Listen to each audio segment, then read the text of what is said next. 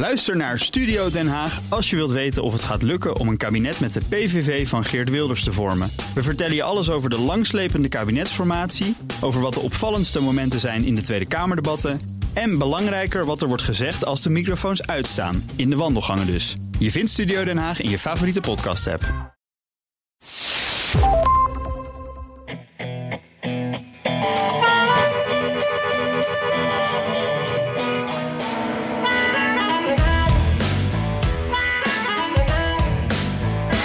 Plotseling waren er twee nieuwe Republikeinse presidentskandidaten over wie vriend en vijand zeiden die zouden best eens een kans kunnen hebben op de nominatie. Daarvoor moeten ze koploper Donald Trump onttronen. Zoals verwacht kondigde de gouverneur van Florida, Ron DeSantis, zijn kandidatuur aan met een mislukte Twitter-stunt. Maar er was ook een outsider met best een goede kans, Tim Scott, senator voor South Carolina. Maandag stapte hij formeel in de race. And that's why I'm announcing today that I'm running for president of the United States of America. Van simpele komaf, zeer conservatief, diep religieus, vriendelijk, vrolijk en beschaafd van toon. Meer een bruggenbouwer dan een activist. En hij is de enige zwarte republikeinse senator. Brandende vraag: heeft hij echt een kans op de nominatie? En de Santis. Andere brandende kwestie: het totaal uit de hand lopende aantal daklozen in de grote steden. En dan een echte brandende kwestie, letterlijk de ramp van bosbranden. Dit is aflevering 181 van de Amerika-podcast. Mijn naam is Bernard Hammelburg. Met een beker verse koffie vanuit Studio Hammelburg in New York. Jan is er niet en dus zit tegenover mij het inmiddels gebruikelijke nepotistische alternatief. Ja, en dat ben ik, David Hammelburg, ook met een beker, verse koffie. En dat is maar goed ook, want het is op deze donderdag hier nog uh, spookvroeg. Uh, onze technische steun en toeverlaat is André, de man die de toen van de Amerika-podcast maakte. Hij zit in studio in Amsterdam. Laten we beginnen met uh, de letterlijk brandende kwestie, de natuurramp die zich zowat elk jaar voltrekt aan de Amerikaanse en Canadese westkust. Jij bent net voor de Duitse televisie, uh, heb je, ben daar geweest. Waar was je en hoe komt het toch dat die branden er zo vaak zijn? Ik was in de provincie Alberta in Canada. Dat ligt naast British Columbia.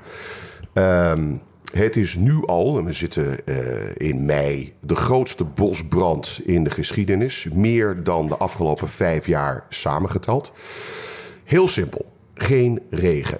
Um, als de, de sneeuw smelt, heb je meestal een seizoen waar het wat nat is. Hè, een beetje Nederlands weer in het voorjaar. Dat is dus nu niet gebeurd. Wat je had was temperaturen van 30 graden, kurkdroog um, en een wind. Dat is heerlijk als je naar vakantie gaat in Aruba, maar uh, in die kurkdroge bosgebieden in Alberta uh, heb je geen idee hoe erg het is. Nu zijn er een paar dingen dat uh, meetelt. Je hebt daar heel veel industrie aan olie- en gasbedrijven, aan cementbedrijven en aan houtkapbedrijven. En die hebben in feite na studies uh, laten blijken dat zij ook de oorzaak zijn van de bosbranden. Niet dat iemand daar met een peuk uh, nee, langs nee, de weg maar staat. overspringend vonkje of zo. Overspringend vonkje, dat, ja. is, uh, dat is een killing daar. Nou, en zo'n bosbrand, dat, dat begint dan ergens. En het opmerkelijke van het verhaal is dat je dan onmiddellijk een bosbrand hebt van de omvang van, laten we zeggen, de stad New York of Berlijn. 82.000 hectare uh, qua omvang. En als zo'n stukje bosbrand dan geblust is, is het niet echt geblust. Want onder de bomen uh, is het nog allemaal gloeilevend. Dus wij zijn in plekken geweest waar ze dus aan het stampen waren onder de al verbrande bomen. En daar kwamen hele nieuwe vlammen uit. Ongelooflijk. En omdat het zo'n gigantische omvang is, um, kunnen ze het gewoon niet aan. Nee. Het, is, het is een triest verhaal. Dus je hebt daar de inwoners die steeds uh, weg moeten en dan weer terugkomen en in hotels uh, bivakeren en dan kunnen ze weer even terug. Ja. Maar als je daar doorheen rijdt, uh, rij je dus langs brandende wegen. Ja. Het, is, het, is, het is een spookachtig even, verhaal. Even, even twee dingen. Je, je hoort tegenwoordig steeds vaker, laat maar gaan. Zorg dat eh, de omgeving niet ook in de fik zit, maar laat maar uitbranden, want je kan er toch niks aan doen. En eh, nu praat je over Canada. Eh, maar we, we hebben het ook al heel vaak gehad over Washington en Oregon en Californië. Daar, daar heb je dit soort dingen ook gedaan. Is dat in feite gewoon hetzelfde Het verhaal? is hetzelfde verhaal. Ja. Alleen zit het ietsje lager. Dus hun, hun klimaat dit voorjaar was ietsje beter dan dat in Canada is. Maar je kan nu al verwachten wat er op de westkust zal plaatsnemen. Want het is in Canada al gebeurd. En het erge is, eh, wij- zitten dan in New York. De rook van de bosbranden in Canada voelden we hier. Hè, dat is, dat is nou, 3000 kilo, nee, meer. Maar hoe voelde je het? 4000 kilometer. Hing het in de lucht? Kon je het ruiken? Ik Ik, kon- ik, ik, ik had ontzettende last, vooral van mijn ogen. ja. Eh, als je daar dagenlang zit, dan voel je het Nee, daar, maar hier in New York, zei je. Of had je Hier, hier voel je het ook, je zeker. Eh, je hebt er hier last van. Je kan het aan de lucht zien. Vandaag is het dan weer een mooie dag. Maar eh, twee keer per week voel je het echt. Ja. Eh, het, is, het zijn bizarre taferelen. Het enige mazzel dat ze in Canada hebben... is dat omdat het zo groot is en er zo weinig mensen wonen... kunnen die bossen inderdaad branden. En tot nu toe eh, heeft het geen levens gekost. Twee jaar geleden was in British Columbia ook een hele hevige bosbrand. Het heeft een paar maanden geduurd... en er zijn 600 mensen om het leven gekomen. ja. Dus dat is dan mazzel. Ja. Ehm, maar het is zo erg dat als deze bosbranden dus door blijven gaan, dan bestaat er een hele grote kans dat in de winter, als het weer gaat sneeuwen, nog steeds niet geblust zijn. Jongen, jongen, jongen. Oké, nou ja. We zijn, het is een beetje wonderlijk begin van deze podcast. Maar omdat ehm, ik jouw verhaal zo geweldig vond, ben ik blij dat je het even wil vertellen. En enorm avontuur daar in, eh, in Canada. Ja, we zijn natuurlijk. Ja, Maar we gaan, we gaan natuurlijk. Het, het, is, het is een Canada-verhaal. Maar e- even één ding wat wel leuk is. Er is een bedrijf wat we hebben gevolgd. ehm, die de oude bosbranden. eh, dus de plekken die, die al afgefikt zijn van een paar jaar geleden. Die, daar zijn ze nu mee bezig om via hele eh, speciale drones. ehm, vanuit de lucht. nieuwe plantjes te zaden. In, in, in, in de, de, de plekken waar de, de Oh, bosbranden dus al zijn geweest. Nieuwe aanplanten vanuit de lucht. Vanuit de lucht. En dat doen ze met een soort buksgeweer, zodat het echt in de grond stampt. Ja. En het doel is om eh, per 2028 1 miljard nieuwe bomen te planten. Eh, als ze in 2030 4 miljard nieuwe bomen planten, dan zegt eh, de regering van Canada, dan zijn we eh, eh, carbon neutral. Ja, ja. De- de- de- dus Ja, dat- CO2-neutraal. CO2-neutraal. Ja. Eh, dus het is een hele operatie. Ja. En het helpt, hoeveel, dat weten we niet, maar het is tenminste iets. Ja. Oké, we gaan ehm, naar de, de gewone grote nieuwszaken hier en in onze omgeving. Ehm, Jan en ik hebben het er regelmatig over. Ehm, maar jij zei dat je weer even stil wilde staan bij de positie van eh, Donald Trump in de verkiezingsrace, die steeds duidelijker losba- losbarst.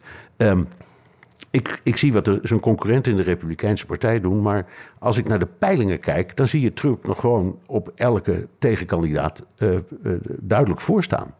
Ja, dat klopt. Ehm, maar ik zie en hoor de twijfel onder de Republikeinen groeien. Ehm, ja, onder zijn volgelingen in zijn eigen partij staat hij er natuurlijk goed voor. Maar diezelfde peilingen blijven aangeven dat hij opnieuw van Biden zou verliezen.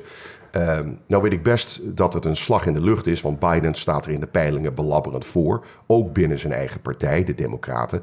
Eh, maar Trump kan uiteindelijk eh, niet tegen hem op. En dat komt ook omdat de gematigde republikein het wel beu is met al dat gedoe en Trump over de verkiezingen in 2020 en alle rechtszaken en Ja. de schandalen. Ja, ja. Hè, dus zijn aanhang, dat blijft volgen.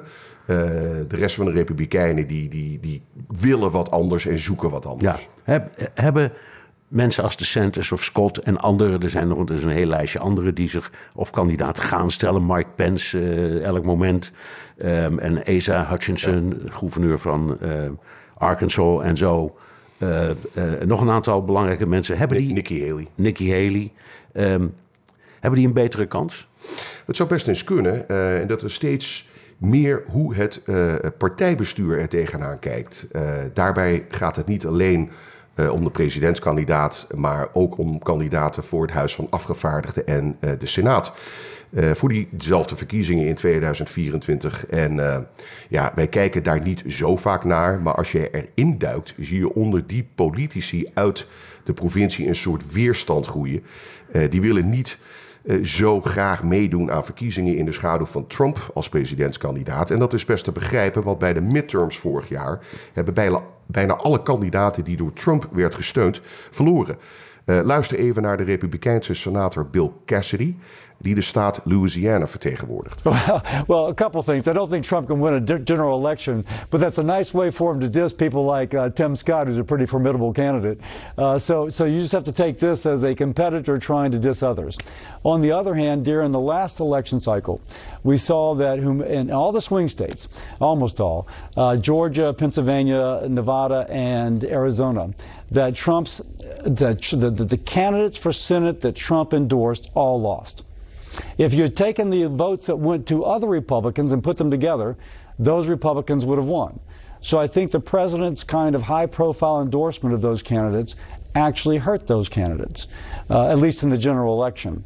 So, if past his prologue, that means President Trump is going to have a hard time in those swing states, which means that he cannot win a general election. Ja, en die gedachte dat Trump niet kan winnen is inderdaad een brandende kwestie. Heb je dat woord weer uh, voor de partij? Nee. Uh, vooral omdat een andere republikeinse kandidaat dan Trump misschien wel een goede kans heeft om Biden te, uh, te verslaan in de verkiezingen. Oké, aan het begin van de podcast hoorden we Tim Scott die zich formeel kandidaat heeft gesteld. In het fragment dat jij net liet horen, noemt Bill Cassidy Scott een formidabele kandidaat. Wat is er zo belangrijk aan, of zo, zo bijzonder aan hem? Nou, hij is de eerste uh, zwarte senator uit het zuiden in, uh, in 100 jaar. Het is een aards-conservatief, uh, maar geen republikein, drammer. Republikein, republikein ja, ja, maar geen drammer of activist. Uh, hij heeft al meer campagnegeld ingezameld dan elk van zijn rivalen... met dank aan de steun van uh, de Oracle-eigenaar, miljardair baas Larry Ellison... die daar zo'n uh, slordige 30 miljoen dollar in zijn campagne heeft gestoken. Zo, dus die gelooft in hem. Die ja. gelooft in hem. Ja. en het is ook iemand die in termen van inclusiviteit denkt... om de republikeinse tent te vergroten. dus hij, het is niet iemand die alleen maar tegen zijn achterban praat. Het is ook iemand die meer republikeinen wil hebben in zijn eigen partij. Uh, maar ik denk ook dat hij, net als gouverneur DeSantis van Florida, uh, ja, kinderen lief, liever niet voorlicht over seks, gender, LGBT en zo. Martin Scott zou er geen juridische oorlog over beginnen met Disney. nou goed, ja. ja, dat Disney dat heeft teruggemapt door de verhuizingen van het bedrijf van Californië naar Florida te cancelen kost miljarden en duizenden banen. Toch, toch even duidelijk maken. Wat, wat, wat, dat, het is een hele, we hebben het er al een paar keer over gehad. Het is een fascinerende strijd. Omdat dat Disney World is natuurlijk mega groot. Het is ook een eigen gemeente volgens mij. Volgens, of althans... Was het. Was het. En... Uh, en, en, en de Centers heeft, is de, heeft de strijd aangebonden alleen maar omdat Disney liberaal is op het gebied van um, ik zal maar zeggen, seks. Ja. En, en ook kinderen niet wil, uh, de, de waarheid van het leven voor die kinderen niet wil verbergen. Daar komt het op neer. En daar heeft hij een, een enorme punt van gemaakt. En sterker nog, uh, hij is met de term gekomen: als je naar Florida komt, woke, you come, you, woke is here to die. Met andere woorden, wij doen niet aan de woke wereld. Uh, dus alles wat wij zien in uh, Florida en Woke, dat mappen we gewoon weg. Ja. Ja, nou, ik ben benieuwd hoe dat afloopt. Omdat, uh, zoals je zegt, dat, Disney heeft gezegd... nou, dan we waren van plan om het hele bedrijf vanuit Californië te verhuizen. gaan we nou niet doen. Dat kostte dus miljarden en een enorme hoop banen. En hoe? En dan zal toch wel iemand tegen de Santos zeggen... kijk, dat heb je ook op je geweten. Of niet? Hoe werkt dit voor hem? Ja, tuurlijk werkt dat tegen hem. Uh, kijk, voor de zuidelijke staten is dat allemaal prachtig. Hè? Want die, die, dat anti-woke-cultuur, daar, ja. daar geloven ze in. Um, maar ja. als je een nationale campagne wil voeren, dan moet je, moet je doen wat Tim Scott doet, namelijk de tent groter maken. Ja. Hè? Dus meer kiezers binnen je eigen partij binnenlokken. En ik weet niet of de Santis dat lukt op deze manier. Nee. Hij moet op een, op een bepaald moment moet hij dit allemaal goed praten. Ja, hij wordt toch de belangrijkste concurrent van uh, Trump genoemd. Ja, Ehm, dat klopt. En hij heeft natuurlijk een paar dingen eh, eh, voor. Eh, hij is zeer populair eh, onder zijn eigen kiezers in Florida. Ehm, en wat ik zei, ja, de rest van het land vindt het pedant, arrogant, bedvreterig en een drammer. Ehm, hij is jong, hij is charismatisch, charismatisch, tenminste als hij in een Fox-interview zit. Waar hij dus niet goed in is, is wat hij deze week heeft laten zien in New Hampshire. Ja. Waar retail politics telt, dat is deur-aan-deur politiek. Dat betekent dat je letterlijk de handen moet schudden eh, met de mensen in New Hampshire. Ja. Naar barbecues met 22 mensen, naar eh, de veteranenhal met 100 mensen. En eh, New Hampshire werkt zo dat daar eh, de kiezers zeggen, en dat is ook een oude grap, eh, als je denkt wat vind je van kandidaat A, eh, dan is het antwoord dat weet ik nog niet, want ik heb hem of haar nog maar drie keer ontmoet en dat moest minstens Ja, ja. vier of vijf keer. Precies, en het omgekeerde geldt ook. Het, is, het heeft zo weinig mensen en er wordt zoveel campagne gevoerd...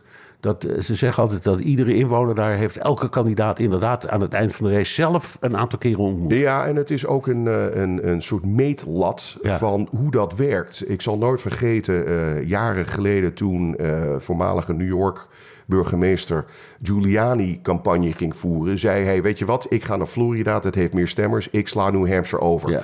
Als je dat dus doet, geen schijn van kans had hij meer. nee, je moet- je dus moet de, DeSantis heeft een, een, een les geleerd deze week... waar hij dus niet goed in was met de handen schudden. Het is een beetje een afstandelijke kerel. Hij is niet goed eh, met de pers. Ehm, hij heeft een piepstemmetje en dat komt allemaal meekijken. Je moet charisma hebben, ook in persoon. Dus Ja. niet alleen maar op Fox News. En dat had hij deze week niet. De vraag is, zal hij daarvan leren? Nou, verder is het eh, eh, een uh, summa cum laude geslaagde, eh, briljante kerel. Die is maar 44 met een prachtige familie.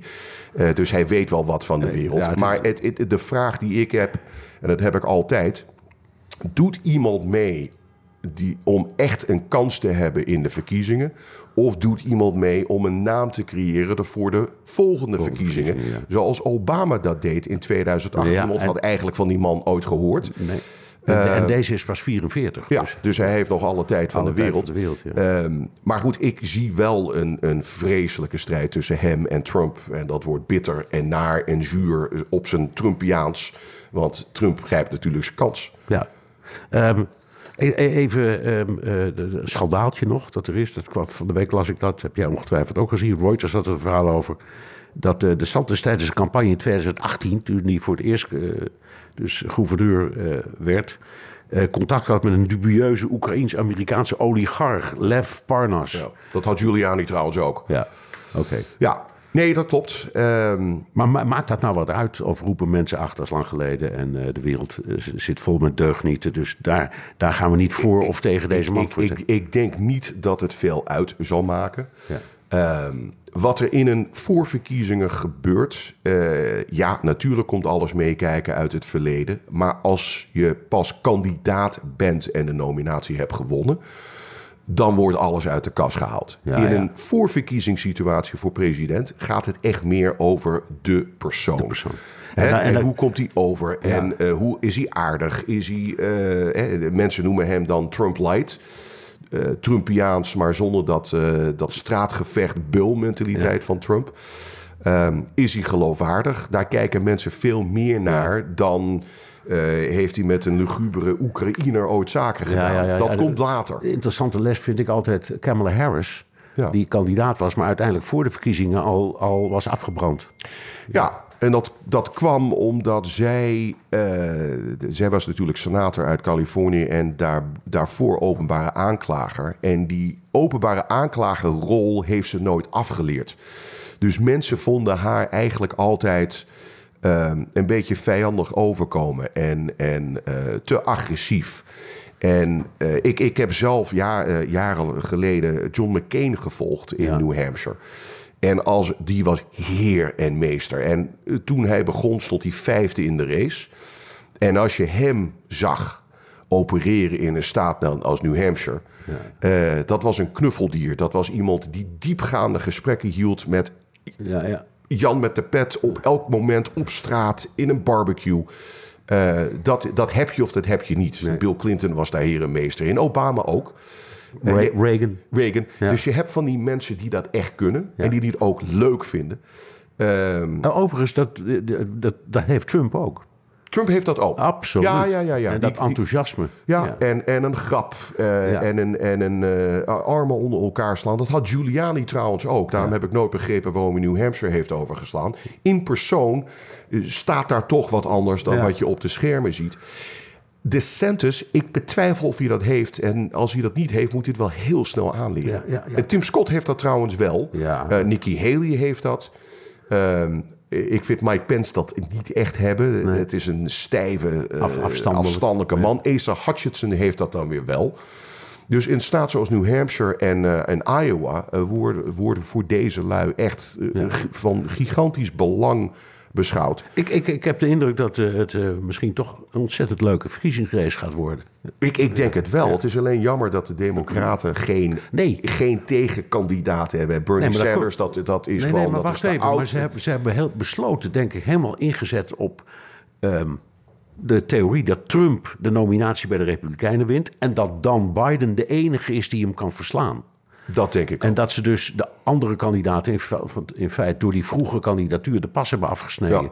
Dus het is Biden of niks. Nee, maar ik zie ook niet een echte Nee, plausibele democratische kandidaat. Zie jij er een? nee, ik zie, nee, tot nu toe niet. Helaas niet. En we Nee. zitten nu eind mei en zie jij eh, Trump niet de nominatie winnen? Eh, ja, nou, ik, je weet, ik ben een meester in het verkeerd voorspellen. Ehm, eh, maar ik begin te twijfelen nu of het hem lukt. Om, om, vanwege ook die, weet vooral die twee dingen. Wat jij net zei is, ze beginnen in de partij, zijn ze een beetje klaar met al dat gezeur over, over ver- vervalste verkiezingen en, en, en gescheld op de hele wereld. En wat je net ook zei, dat vond ik ook heel opmerkelijk. Die andere verkiezingen voor het congres. Er zijn dus heel veel republikeinen die roepen: als die man het wordt, dan, dan sla ik deze even over. En ze moeten ook passen, oppassen op hun positie in het congres. Dus eh, er staat veel op het spel. En daarom denk ik dat de druk op, op Trump heel groot Maar we zullen het zien. de- er is nog één ding wat ik aan toe wil voegen. En dat is de juridische kwestie van Trump. Eh verkrachtingszaak in New York, oké, eh, dat is iets waar mensen een beetje hun schouders over optrekken. Want dat was al zo lang geleden. Maar eh, de rechtszaak in Georgia en de, de documenten die hij in zijn bezit had in Mar-a-Lago Ja, in dat zijn Florida, dat zijn strafbare dingen. Dat weet ik, maar, dat, maar in mijn theorie is het maakt niet uit. Ook als, hij, ook als hij wordt gestraft. Ook als hij in de gevangenis komt. De, de, de Amerikaanse kieswet sluit niet uit. Klopt. Dat de president campagne voert vanuit de gevangenis. of zelfs in de gevangenis zit als hij president wordt. Nee, maar als je een Trump-aanhanger bent, dan blijf je dat. Ja. Maar alles wat twijfelt, Ja, die denkt. die denkt: is dit nou nog een stap die we kunnen nemen? Ik weet het niet. Hey, ik wil het even nog over een andere eh, kwestie hebben. Een debat hier in New York. In de New Yorkse politiek over een grondwet voor daklozen. Eh, die is met algemene stemmen aangenomen door de, de, de gemeenteraad. Belangrijkste onderdeel deel daarvan is daklozen hebben het recht op een aantal openbare plekken te slapen. Eh, volgens de oude wet ehm, konden politie en vuilnisdienst die tentjes en die kartonnen dozen en die slaapzakken ehm, konden ze verwijderen. En dat kan dus volgens deze zou dat, eh, nieuwe wet zou niet meer kunnen. Burg- burgemeester Adams twijfelt of hij die wet nou moet tekenen. Is een oud eh, eh, politieagent, dus die, die, die, nou, enfin, die heeft misschien andere overweging. Die weet wat er speelt op straat. In Los Angeles zijn de, de, de voorschriften juist verscherpt. Ehm, bijvoorbeeld, je mag die tentjes niet meer in de buurt van scholen zetten. Maar nou komt het, in de berichten hierover lees ik dat New York een netwerk van opvangplekken heeft. Waar vorige week alleen al 81.000 daklozen gebruik van hebben gemaakt. En dan heb je een hoop mensen die niet in zo'n opvangplek willen.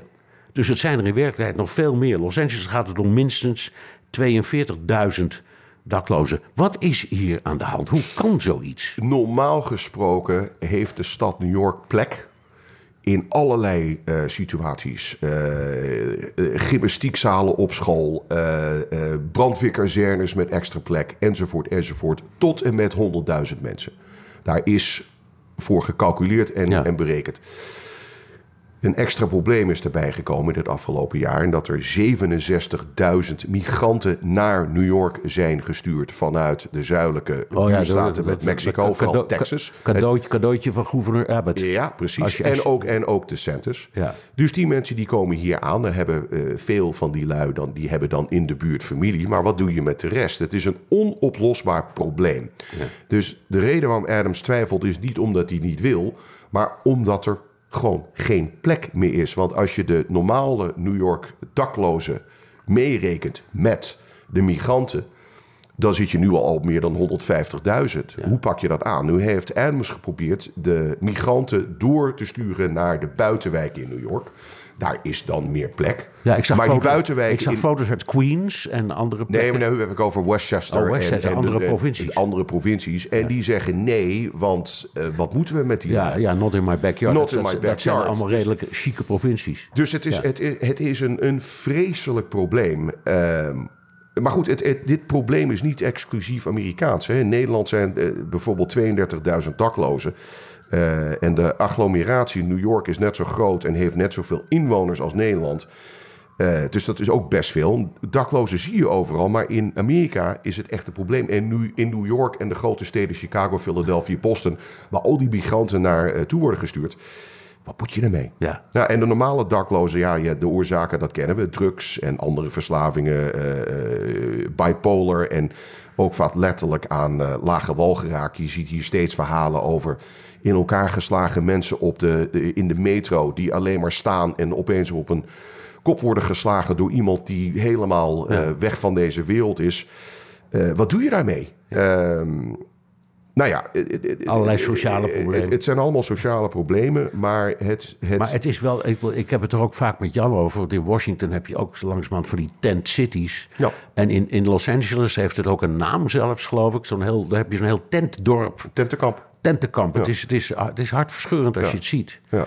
Maar het, het, het En hoe, hoe wil de grootste, beste economie ter wereld dat nou niet oplossen? Dat is voor mij het grote raadsel. Hoe kan zoiets? Het omdat je niks geforce- geforceerd mag doen. Dit is een gesprek wat ik zelf toen ik kandidaat was met Adams heb besproken. Wat doe je eraan? We, we, we- we zetten sociale werkers op straat om Ja. met de, de, de, hè, de, de, de, De daklozen te de praten. daklozen te praten en wat ze willen en hoe ze dat willen. En, en eh, de meeste mensen kiezen ervoor. Eh, die willen niet naar een opvangcentrum en die willen niet naar een hotel. Die vinden dat leven daar wel lekker op die manier. Maar goed, met al die migranten eh, erbij. Ja. Je, je ziet de bussen dag in dag uit binnenkomen. Met migranten. Met migranten. En, die, en die mensen die staan hier dan. En wat Als je, als, je nou, als je nou denkt, dit gebouw hè, waar Studio Hammelburg zit in New York, is ooit een tijd lang een eh daklozenhotel geweest. Ja, dat klopt.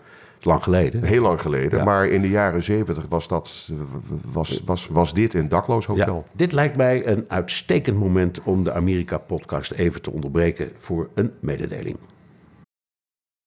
Ook Bas van Werven vind je in de BNR-app. Ja, je kunt live naar mij en Iwan luisteren tijdens de ochtendspits. Je krijgt een melding van Breaking News. En niet alleen onze podcast Ochtendnieuws, maar alle BNR-podcasts vind je in de app. Download nu de gratis BNR-app en blijf scherp.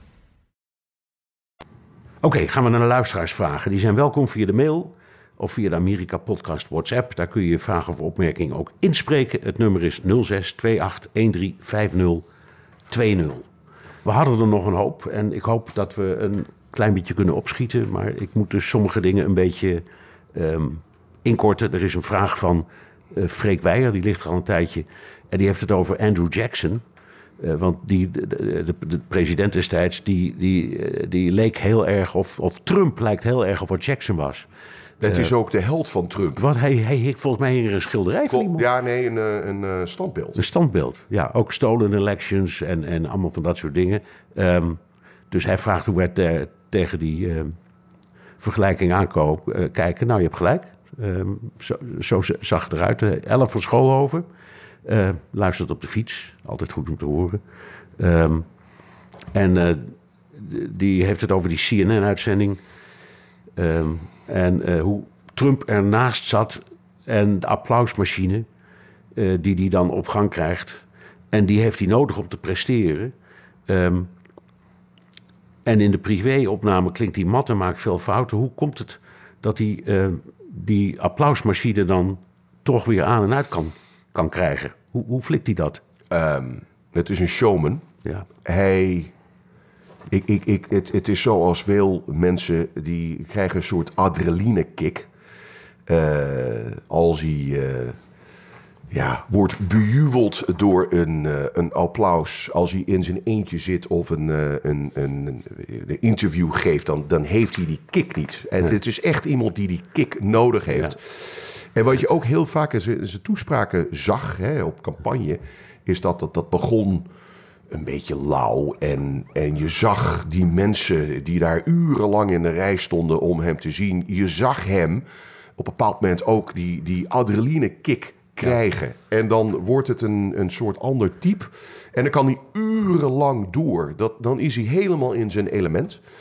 Ehm, ik vind dat eng en knap tegelijkertijd. Ja. Want als je dat nodig hebt om een boodschap eh, te delen, dan, dan vind ik dat eng. Aan de andere kant, Nou ja, Church- Churchill kon het ook. Eh, Churchill kon het ook, maar goed, hij, niet eng. hij, heeft dat echt En nodig. Zelensky kan het ook. Je hebt van die mensen die hebben dat. eh, die hebben dat. Ehm, een leuke van eh, eh, Anton Korteweg. eh onderwerp dat jou zeer zal aanspreken. Want die heeft het over de vriendschappen die worden verbroken vanwege de politiek. Ehm, en hij, hij citeert het, eh, het Employee Handbook van eh, Meta, de eigenaar van Facebook en zo, en Coinbase. Ehm, eh, hoe dat mensen gevoelige kwesties als abortus, het nut van vaccinaties, wapenbezit en verkiezingen, dat ze dat gewoon in de conversatie op kantoor niet moeten doen. Ehm, en dat is een soort van verbod, zegt hij. Ehm, en hij maakt een leuke grap. Stel je voor dat je tijdens de lunch bij BNR niet over politiek mag praten. Heel leuk, Anton. Nou, eh, ik, ik, eh, Nou, jij, le- jij leeft daarin. ik, ik leef daarin en ik, eh, ik, ik, ik begrijp de redenering. Als ik op een redactie zit, heb je het natuurlijk over de politiek, maar niet over je privé gevoelens over de politiek. Dat hoort gewoon niet. Je kan het dus wel over een politiek onderwerp hebben over, op een nieuwsredactie. Eh, maar wat je zelf vindt en voelt, dat, dat blijft daar buiten. En ja, het doet me ook een beetje denken aan het Midden-Oosten. Als je vrienden wil blijven, dan heb je het niet over religie en niet over politiek. Dat, dat, Ja. dat doe je onder, eh, eh, onder andere omstandigheden, misschien met een biertje in de kroeg. maar niet op een werksituatie. Ik ken ook heel weinig mensen die het daar echt over hebben.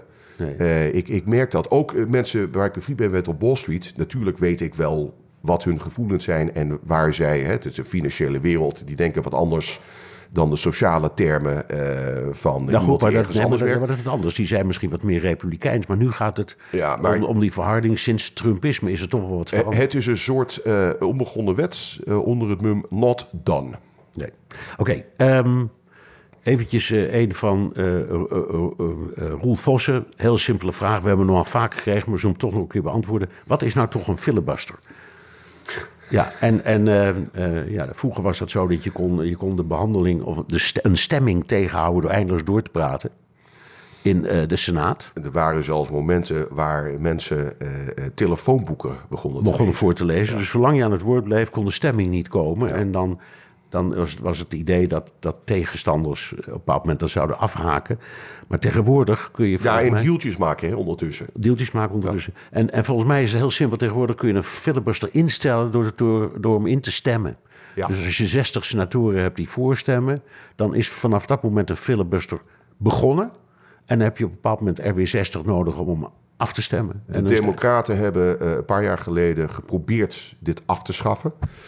Ehm, maar er waren een aantal mensen binnen de Republikeinse of de, binnen de Democratische Partij die zeiden: Weet je wat, het is nu nuttig v- voor ons in, eh, in, of voor de Republikeinen die in oppositie zijn, maar op een dag zijn wij weer in de minderheid.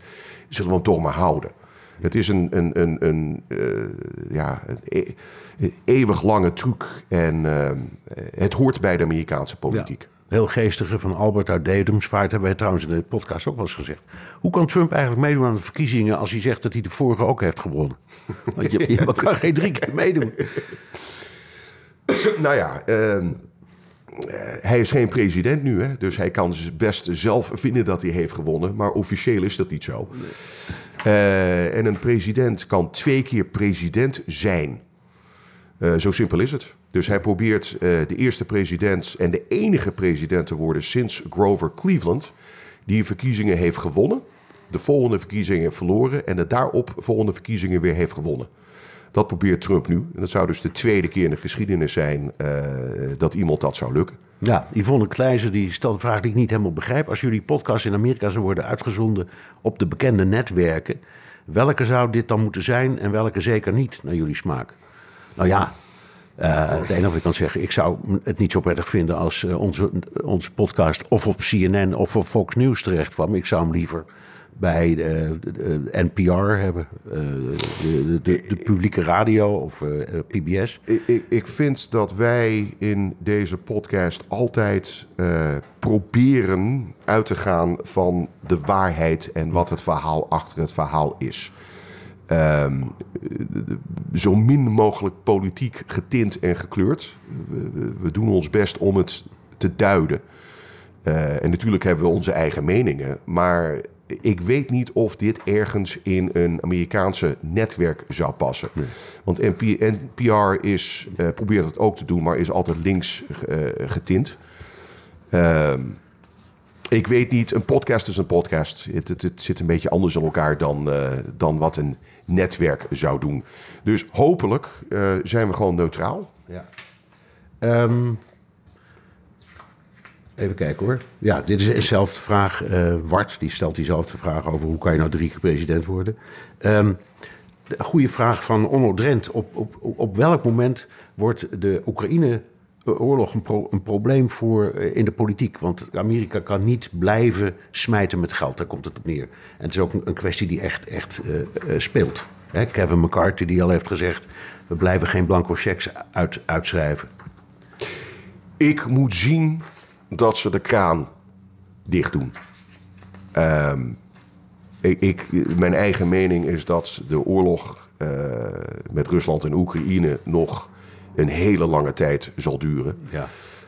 Um, en ik zie het niet zo in dat Amerika uh, met doodgemak op een bepaald moment zegt: uh, het is op en over en uit. Um, ik zie niet gebeuren. Jij wel? Um, ik zie wel een gevaar, ja. Omdat de manier waarop het nu gebeurt, wat Biden heeft in het vorige congres, bij de vorige verkiezingen, een, uh, iets van 111 miljard uh, gereserveerd daarvoor. En daar boekt hij nu steeds op af. Dus elke keer als Amerika een gift doet of steun toezegt, dan komt dat uit datzelfde fonds. Dus dat wordt steeds kleiner, maar het is een soort spaarpot. En volgens mij is dat wat McCarthy uh, ook bedoelt, Kevin McCarthy, daar gaan we niet meer doen. We gaan als we uh, iets willen doen voor wapens of, of, financiële steun, dan gaan we er elke keer over stemmen. We gaan niet een, een heel groot bedrag reserveren voor Oekraïne en daar dan steeds uh, uitmaken. En die debatten worden steeds moeilijker, denk ik. Hoe lang nog? Ja, dat. Uh, kijk, je hebt gelijk, dit gaat nog jaren duren. Dus, en hopelijk is de, tot nu toe is de totale meerderheid in beide partijen voor steun aan Oekraïne. Dus het kan misschien wel wat lastiger worden om het voor elkaar te krijgen. Maar uiteindelijk denk ik dat die steun er inderdaad ook nog wel blijft. Maar daar komt er op een dag een eind aan. Mensen zeggen, joh. Uh, Kijk eens naar het vluchtelingenprobleem in uh, New York City. Ja. Maar je denkt nog niet dat de politiek in Washington zich daarover ontfermt, ontfermt als het een, een strijd is uh, wie nee, maar dit is een wie Vladimir Poetin. Nee, maar dit is een, dit is een districtenstelsel. Dus hier wordt, worden staten, steden, provincies in het congres uh, uh, vertegenwoordigd. En we hadden het net over, daarom zeg ik, we hadden het net over die, die migratie en de vluchtelingen in New York City. Ik kan me voorstellen dat um, de, de, de, congresleden ja. uit New York in het congres op een bepaald moment daar wel een punt van gaan maken. Ja, dat kan. Zeggen jongens, onze eigen burgemeester Adams zit met zijn handen in haar voor een enorm probleem. Um, kunnen wij alsjeblieft wat meer geld krijgen hier? Ja. Um, en heel vervelend voor die Oekraïners. Ik bedoel, dat soort dingen. Dat, ja, dat, dat, dat, dat wordt wel een discussie. Ik, ja. zie, ik zie hem voorlopig, voorlopig niet komen. Nog Old Hickory. Dat was de roepnaam van Andrew Jackson. Ik kwam er steeds maar niet ah, op. Ja. Old Hickory. En dat was natuurlijk ook een oorlogsheld hè, tegen de Britten. Ja. Uh, maar dat was de roepnaam. Ja. Eventjes een van uh, Tom van der Veen. Um, die uh, um, vraagt zich af hoe het zit met de, waarom de, de, de, de laaggeletterdheid zo groot is in het eh, Amerikaanse systeem. Ehm, dus ehm, ja, hoe, doen mensen dan in het verkeer en verkeersborden en al dat soort dingen? Ze hebben wel rijbewijzen, maar hoe komt het dat ze zo slecht eh, kunnen lezen? En niet alleen immigranten, maar ook gewoon Amerikaanse Amerikanen. Ehm, dit is een onderdeel van een veel langere discussie, dus ik zal hem zo kort mogelijk proberen te houden. Scholen in Amerika ehm, hebben een, een, een, zitten in districten waar veel eh, ongelijkenis is. Daarmee wil ik zeggen dat bepaalde plekken hebben fantastische leraars die ook meer geld verdienen. En in andere plekken heb je leraars die, eh, die het niet goed kunnen en ook minder verdienen. Dus als je in Nederland op school gaat, dan krijg je hetzelfde onderwijs. Of je nou in uh, Wassenaar woont of uh, in, uh, in, de, in de Bijlmer. Hetzelfde onderwijs. Dat heb je hier niet. En dat is een vreselijk probleem. En het gaat niet om geld. De Washington DC, de district, heeft per capita het meeste geld insteken per student. Dat is 15.000 dollar per student per jaar. Ja. En jaar in, jaar uit zijn ze vijftigste uit. Het allerlaagste. Het allerlaagste in, in, in, uh, in, in, uh, ja. in de resultaten. Dus het ligt niet aan het geld. Het ligt aan de kwaliteit van het onderwijs. Als je in New York op school zit, dan krijg je dus een basisonderwijs. Uh, onderwijs. En de, de ouders van, laten we zeggen, betere districten van welvarende mensen, die doneren extra om andere onderwerpen en uh, leraars uh, te creëren. Dus als je Spaans wil hebben op school, uh, dokken we zelf. Ja, ja. als je een muziekles wil hebben, dokken we zelf. Dus het pakket voor in de in, in Dus het minim, minimumpakket is overal hetzelfde. Ja, en maar, de rest maar, moet je in, in bijbetalen. Maar, het is natuurlijk een, een ridicuul en absurd systeem... Ja. waar ze zelf voor kiezen. Ik heb het nooit begrepen... Um, maar het is een groot probleem. Dus je krijgt een ongelijkmatige uh, onderwijssysteem. En dat is natuurlijk ja. hartstikke oneerlijk. Rutger Smits die, uh, stuurt een hele lange en leuke... ik kan hem helaas niet helemaal voorlezen, maar wel een hele leuke. Um, namelijk uh, dat wij hebben gezegd in de podcast... een ex-president mag nooit meer auto rijden. Ho, stop, schrijft hij. um, dat heeft echt wat toelichting nodig, heren. En hij zegt... Nou ja, we weten dat Joe Biden gek is op autorijden. Die heeft ook een hele mooie oude Corvette Stingray. Maar als hij er echt weer mee wil rijden, moet hij dus zijn eigen circuit bouwen. Want anders mag het niet. Maar um, ja, nou ja, het, het is uh, een op, van de vele dingen die een president niet meer kan. Hè? Op openbare wegen mag een president of een ex-president niet meer rijden. Ja, dat heeft te maken met de beveiliging. Het heeft te maken met beveiliging en uh, allerlei omstandigheden uh, volgens de Secret Service. Um, Lyndon Johnson die had een gigantische ranch in, vlakbij Austin. En die reed lekker in zijn auto's omdat het zo groot was. Ja. Maar ik zie dat Biden in zo'n Corvette niet doen. Nee. Want ja, Ronald Reagan deed het ook op zijn ranch. Maar die had ook een ranch. Die, en die had, die had, een, een stokoude jeep. Ja. En, daar, uh, en, ik, ik, en als daar bezoek kwam, ook hoger bezoek, presidenten of koninginnen of ga ze maar door, dan hees hij ze in die jeep en dan reed hij ze door zijn ranch. Ja, maar Bill Clinton en, uh, en uh, Barack Obama kunnen dat dus niet. Hebben, dus nooit, die hebben nooit meer auto Nee, gereden. die kunnen hooguit, hooguit ja. van hun voordeur naar de, de, de brievenbus rijden. En that's it. Ja, ja, rijden mag niet meer. Oké, okay, eentje van Egbert, interessante. Um, mijn zus wist het bizarre feitje op te lepen dat maar liefst 80% van de Amerikaanse mannen is besneden. En ik geloofde dat niet, is het echt zo. Um, en dat kan dan niet met religieuze overwegingen te maken hebben, zegt hij. Wat dan wel? Ja, uh, de, de, de, Amerikanen die hebben er altijd een... Een, een, een hygiënische, een hygiënische ja, ik weet, uh, oplossing het, Ik weet niet of het nog zo is, maar het was altijd zo dat jongetjes in, laten we zeggen, openbare ziekenhuizen, gewoon ja. publieke, automatisch ja. werden besneden, tenzij de ouders zeiden dat ze dat niet wilden. Ja. Is dat nog zo? Dat is nog zo. En als je religieuze bezwaren hebt, dan zeg je dat. Of andere bezwaren. Of andere bezwaren. Maar het is nog altijd een, een feit. Ik weet niet of het 80% is, maar het was altijd zo. Het is niet een, een onderwerp wat ooit echt ter sprake is gekomen. Het is gewoon een ding. Ja. Dan, uh, Martin den Heijer die komt op iets terug waar we het steeds over hebben, namelijk wat een president of presidentskandidaat, maar een president zegt in het openbaar, um, of dat nu juridisch um, kan worden beschouwd als mijn. Hè, bijvoorbeeld eh, eh, Trump, die voortdurend roept. eh, ik heb de verkiezingen gewonnen. Of ik, eh, die, die vrouw die mij nu heeft aangekleed. Kende haar niet eens. Ik wist niet eens wie het was. Ehm, en hij, hij, hij noemt het verhaal van Bill Clinton, die in een televisieprogramma zei: I didn't have sexual relations with that woman, hè, Monica Lewinsky. En hij zegt: dat was niet onder Ede, maar toch de basis van impeachment. Dat was niet de, de basis Precies, volgens mij heeft hij het in het officiële verhoor, dat op band is opgenomen, ook gezegd. Ja, hij heeft en toen stond hij onder Ede. Precies. Hij heeft gelogen eh, in de zaak Paula Jones. Ja. Daar kwam dat hele eh Lewinsky-verhaal Een, een uit. andere vriendin. Ja? Ja. En eh, daarin heeft hij gelogen. Dat is het verhaal. Dus als je op een, eh, een, een, een televisierubriek liegt, ehm, dan lieg je. Ja. daar kan je verder niks mee. Ja. Dat is, een, dat is toch in Europa toch ook zo? Ja. Ehm, Frank, die, die zegt: Ik ben zeer gesteld op de Amerika-podcast. Maakt hele leuke complimentjes. Maar zegt: Zou het niet beter zijn of leuker zijn om wat meer te horen over de staten? Ehm, en eh, ehm, wij hebben in Nederland, dan doen we wat lacherig dat de Amerikanen idee hebben.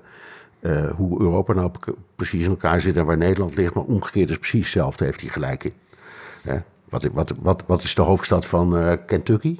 Frankfurt. Juist, Ja. ik bedoel maar. Daar zijn weinig mensen die het weten. Nee, maar even, eh, Maar- het, het maar- is, het is ja. een hele goede vraag. Ja, ik ook. Maar ik, er zijn twee dingen die ik ook wil zeggen. Eerst was, we hebben het een keer gedaan. Namelijk in de verkiezingen van, ik meen 2016...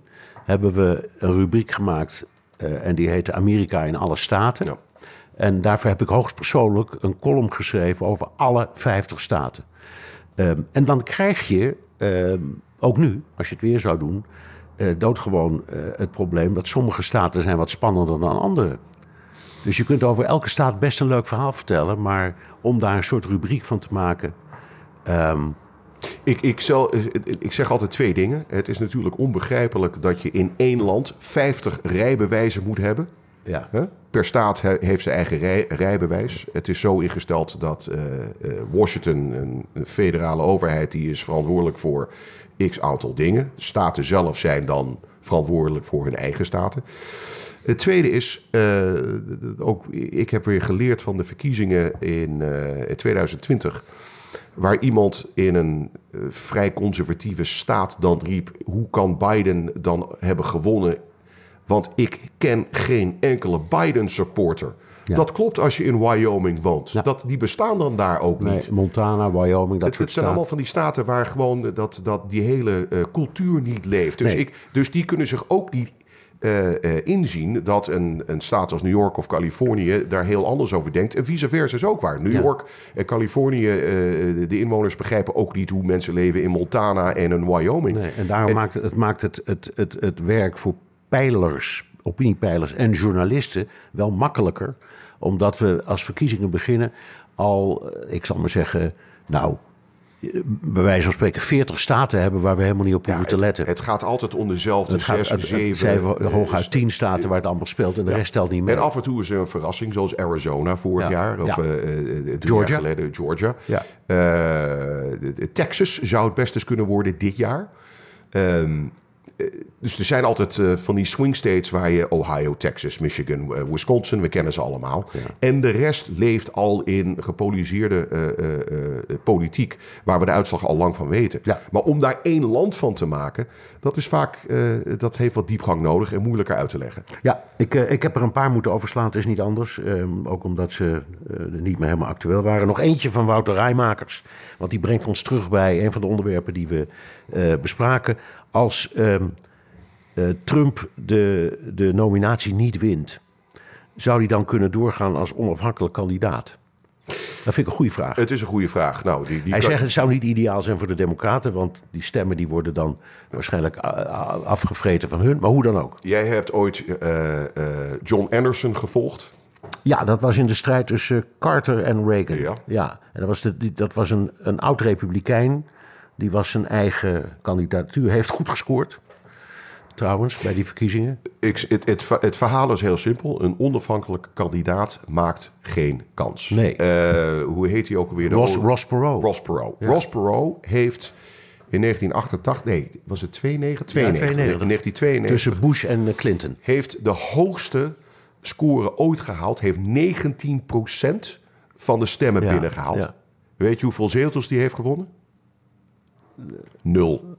Ja. Nee, dat, dat, dat klopt. Dus dat is het probleem. Ja. Eh, je kan wel, eh, Nou ja, bovendien je kan het- wel stemmen krijgen. maar het gaat ten, maar- koste, ten koste van, de, van één van de twee, of allebei, de andere kant. Ja, zoals, zoals Ralph Nader eh, de, de, de presidentschap van Gore heeft gekost. Dat zeggen heel veel mensen. Ja.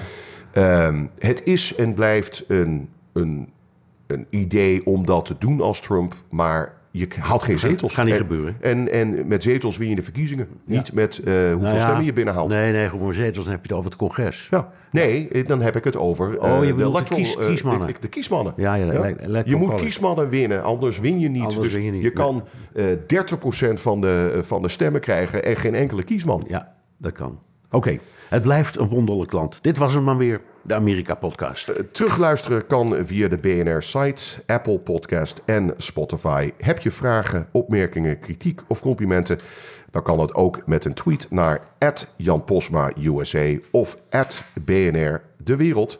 Of heel ouderwets een mailtje naar dewereld.bnr.nl. En je kunt ook je vragen inspreken of intikken op de Amerika Podcast WhatsApp. Dat is 06 28 13 50 20. 06 28 13 50 20.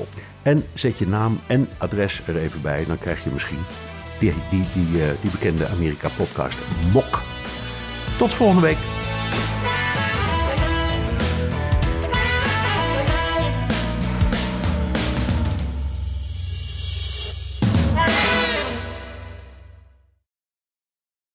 Ook Liesbeth Staats vind je in de BNR-app. Ja, heel handig. Luister live naar Kees en mij tijdens de Daily Move. Dan blijf je ook gelijk op de hoogte van breaking news en het laatste zakelijke nieuws. En daar vind je ook alle BNR-podcasts, waaronder de Perestrooikast. Download nu de gratis BNR-app en blijf scherp.